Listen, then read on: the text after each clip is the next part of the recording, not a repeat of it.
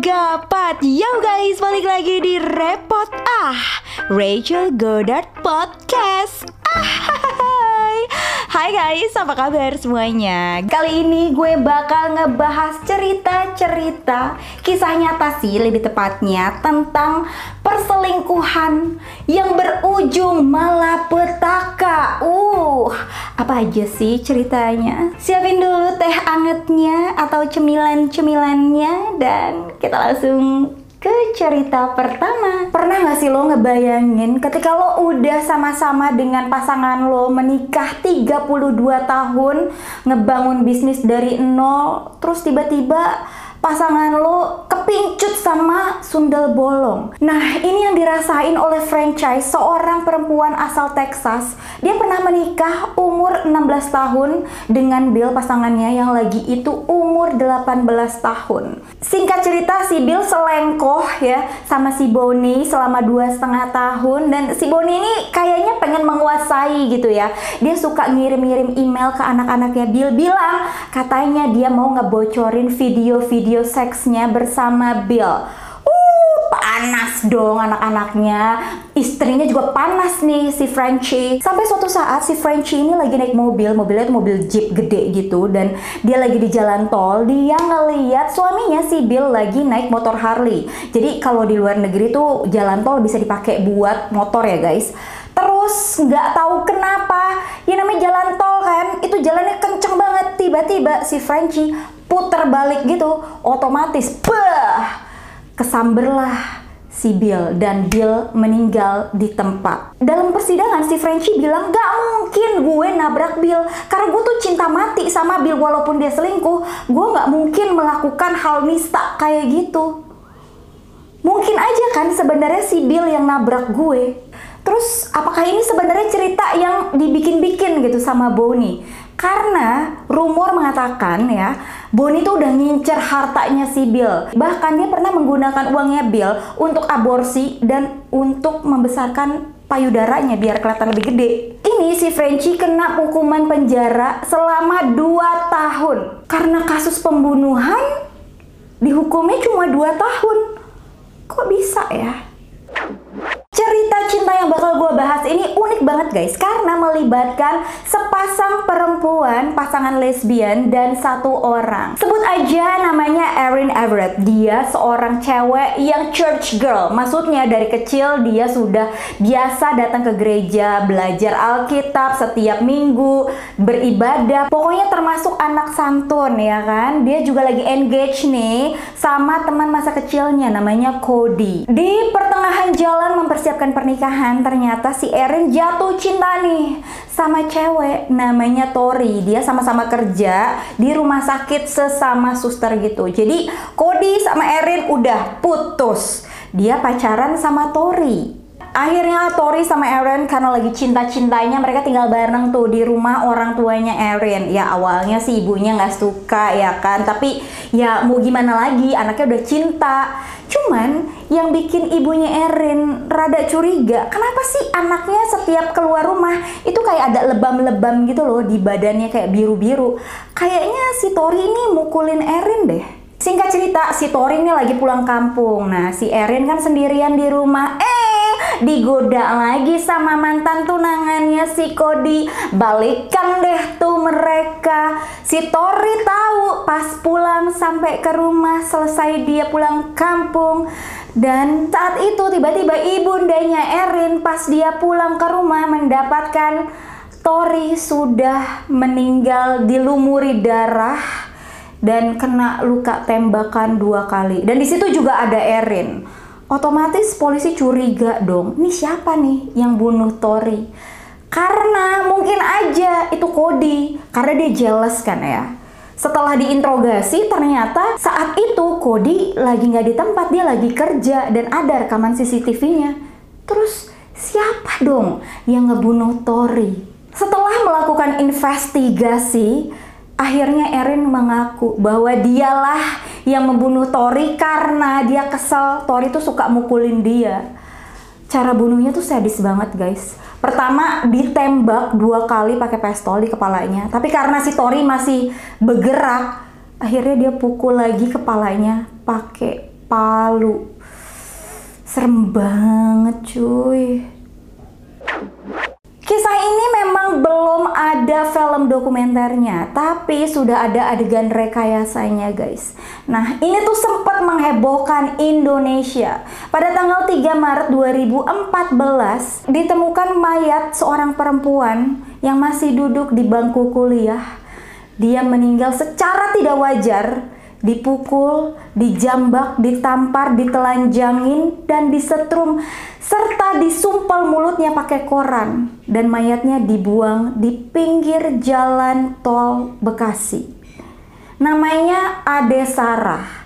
Kasus ini nih waktu terjadi gue sempat ngikutin banget. Karena adik Sarah ini umurnya tuh seumuran sama adik gue dan namanya tuh sama. Jadi bikin gue kayak deg-degan gimana gitu loh. Apalagi adik Sarah ini rumahnya nggak jauh tinggalnya sama rumah gue saat itu. Lalu siapa dong pembunuh adik Sarah ini mantan kekasihnya yang bernama Hafiz yang dibantu sama pacarnya namanya Ashifa. Dan saat itu mereka masih bocah banget masih umur 18-19 tahun. Kenapa mereka sampai setega itu? Jadi katanya waktu ada Sarah pacaran sama Hafiz Hafiz tuh temperamental orangnya suka kasar suka ngata-ngatain verbal bullying. Bahkan di twitternya aja Hafiz suka ngata-ngatain si Ade Sarah ini. Mereka berdua putus setelah putus Adi Sarah tuh udah nggak mau nih hubungan sama Hafiz lagi. Tapi Hafiz kesel gitu loh kenapa nih? Kok dia nggak mau berteman lagi sama gue? Nah pacarnya si Ashifa ini jelas gitu kenapa sih pacar gue masih mikirin mantan pacarnya? Apakah dengan cara membunuhnya masalah ini akan selesai? Mungkin kayak gitu ya ceritanya setelah dirayu-rayu, Adi Sarah diajak ketemu nih sama Ashifa di sebuah tempat. Terus diajakin ke mobil. Dia janji awalnya kalau Ashifa tuh nggak akan ngajak Hafiz. Tapi ternyata di dalam mobil itu ada mantan pacarnya si Hafiz. Dan menyedihkan banget di dalam mobil itu mereka mengeksekusi Ade Sarah dengan cara yang sangat-sangat sadis. Tragisnya, mayat Ade Sarah ini kan setelah ditemukan dibawa ke RSCM. Nah, Hafiz datang untuk bela sungkawa, bahkan dia menyalami orang tua Ade Sarah. Gila banget ya. Dia tuh kayak menyembunyikan nih, gue berani nih datang buat bela sungkawa supaya nggak dicurigain gitu. Tapi kan polisi nggak bego, Hafiz. Dia melihat ada luka di tangannya Hafiz. Nah, saat itu juga Hafiz diinterogasi oleh polisi. Akhirnya dia mengaku dan polisi pun menangkap Ashifa. Mereka berdua kena hukuman penjara seumur hidup. Artinya, selama mereka hidup mereka akan tinggal di penjara. Nggak ada kata bebas. Ada satu hal yang bikin gue sakit hati. Yaitu gue baru tahu kalau Ade Sarah ini adalah anak satu-satunya. Jadi mereka nggak punya keturunan lagi orang tuanya ini. Dan ini gue mau bacain kata-kata dari Elizabeth, ibunda dari mendiang Ade Sarah yang dikutip dari merdeka.com. Mama tahu Ade sudah tenang di surga. Mama sudah memaafkan Hafiz dan Syifa. Ade juga maafin ya. Lo bayang gak sih? Itu anak lo satu-satunya dibunuh tapi lu masih bisa maafin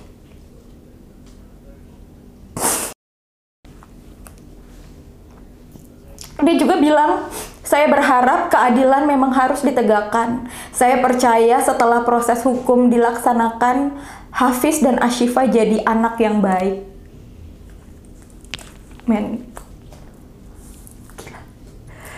Gue punya anak satu-satunya, gak kebayang kalau misalkan ini terjadi sama gue dan gue bisa memaafkan orang yang udah ngebunuh anak gue itu terbuat dari apa coba hatinya ibunya Ade Sarah kasus ini terjadi 20 tahun yang lalu tapi pembunuhnya masih tidak mau mengakui kesalahannya walaupun dia udah keluar dari penjara. Belinda Temple seorang wanita yang sedang hamil tua 8 bulan tewas di rumahnya dengan luka tembakan di kepalanya. Siapa pembunuhnya ini? Kalau ada kasus kayak gini, biasanya nih polisi itu paling curiga sama orang-orang terdekat dari korban, yaitu suaminya. David Temple. Pada saat kejadian, David Temple lagi ngajak anaknya main di taman. Setelah dia pulang ke rumah, dia menemukan bahwa istrinya yang sedang hamil tua tergeletak di kamarnya. Dia langsung telepon polisi dan polisi langsung datang. Dalam persidangan ada hal-hal janggal yang terjadi. Misalnya saat David ditanyain, lo ke taman mana perginya waktu itu, tapi dia nggak tahu di mana tamannya, apa nama tamannya. Atau pas ditanya, lo dulu parkir di mana waktu ke taman, dan dia juga nggak tahu parkirnya di mana padahal kotanya dia kan nggak besar gitu ada lagi kejanggalan yang terjadi saat polisi ngecek pintu. Jadi pintunya kan pintu kaca nih, ditonjok dulu. Tapi pecahan kacanya itu nggak lurus ke depan gitu, tapi nyamping. Berarti pintu itu dibuka dulu, baru ditonjok. Jadinya kaca-kacanya tuh hamburannya ke samping. Paham kan ya teman-teman sampai sini? Cuman saat Belinda Temple ini dinyatakan meninggal, CCTV mengatakan bahwa si David ini lagi pergi sama anaknya ke supermarket karena dari taman dia tuh aus. Anaknya pengen minum, pergilah dia ke supermarket ini. Menurut David, orang yang membunuh istrinya adalah tetangganya di mana dia adalah salah satu anak murid dari istrinya. Soalnya dia bilang nih si anak murid ini, "Oh, gue tuh tadi ke sekolah. Gue tuh sayang banget sama Belinda karena dia tuh adalah guru yang baik. Jadi gue tadi ke sekolah, diceritain dia tuh ke sekolahnya. Padahal hari itu dia bolos sekolah. Jadi menurut David tetangganya ini yang ngebunuh. Eits, tapi kan polisi nggak bodoh sekali lagi. Dia mencari tahu ya kehidupan dari si David Temple ini. Ternyata dia punya selingkuhan namanya Heather Scott. Dia seorang guru yang sama-sama bekerja di sekolahan di mana David mengajar. Dan ternyata mereka sudah menikah. Gimana sih ceritanya? Emangnya di Amerika boleh nikah siri? Nggak ngerti loh gue kayaknya si David juga nggak setuju nih kalau si Belinda ini istrinya hamil lagi dia kayak nggak happy gitu loh kalau dia akan punya anak lagi Brenda Delgado, seorang perempuan Mexican American yang punya pacar namanya Ricardo Panigua. Namanya susah-susah nih ya, kayak nama-nama telenovela nih. Nah, mereka berdua pacaran, tinggal bareng sampai Brenda punya anak sampai Brenda hamil. Tapi kayaknya cowoknya masih belum yakin nih bakal selamanya sama si Brenda. Akhirnya dia minta Brenda untuk aborsi. Ya udah, Brenda aborsi tapi mereka masih pacaran, masih tinggal bareng, tapi abis itu putus. Terus nyambung lagi, putus, nyambung lagi gitu aja. Akhirnya mereka berdua benar-benar putus, guys, karena ngerasa mungkin hubungannya udah gak sehat kali ya. Tapi ternyata si Brenda Delgado ini masih suka nguntit mantan pacarnya. Semua email, iCloud, YouTube, Instagram, ternyata si Brenda tuh masih bisa buka punyanya si Ricardo ini. Kayaknya si Brenda nih terobsesi gitu ya sama si Ricardo. Soalnya setiap Ricardo pergi ke mana, eh kok ketemu sama si Brenda terus gitu. Si Ricardo mungkin mikirnya ah apakah ini destiny? Ya nggak juga. Orang email lo tuh semuanya bisa dibuka sama si Brenda ya kan? Udah tiga bulan putus sama Brenda, Ricardo move on dong. Dia jatuh cinta sama cewek yang super cantik banget dan dia bekerja sebagai dokter gigi. Namanya Kendra guys. Beh, Brenda semakin haredang, haredang haredang panas panas panas. Nggak terima tuh kalau mantan pacarnya udah move on. Udah sebel banget dong ya kan? Dia suka cerita dia tuh kekesalannya sama sahabatnya namanya Crystal. Lebih panas lagi kalau dia tahu ternyata Ricardo udah ngelamar pacar barunya si Kendra ini dan mereka berencana untuk menikah dan pindah ke San Francisco. Boh, Brenda makin kesal dan dia merencanakan pembunuhan. Tahu ceritanya? Beberapa hari kemudian Kendra didapatkan tewas di parkiran apartemennya dengan luka tembakan pistol di kepalanya dan pembunuhnya juga ngambil tasnya Kendra. Tapi lagi-lagi polisi itu langsung nyelidikin ya kan. Dikasih lihat tuh rekaman CCTV-nya, mobil yang dipakai, terus juga pembunuhnya mukanya kayak apa. Nah, pas dikasih lihat rekaman CCTV-nya, ternyata pemilik dari mobil tersebut itu sadar itu tuh mobil dia yang dipinjem oleh si Brenda. Dia langsung lapor polisi dong. Usut punya usut. Polisi manggil Brenda ya kan. Ternyata Brenda nggak mau ngaku nih walaupun udah dijebak, udah ditanya-tanyain tapi dia tetap kagak mau ngaku. Eh, malahan dia kabur dong ya kan. Si Crystal udah ketangkap pembunuhnya juga yang dibayar 3000 dolar. Ini udah ketangkap tapi si Brendanya masih kabur gitu loh. Terus beberapa bulan kemudian akhirnya Brenda ditangkap. Ricardo juga diinvestigasi sama polisi. Siapa sih pembunuhnya si Kendra?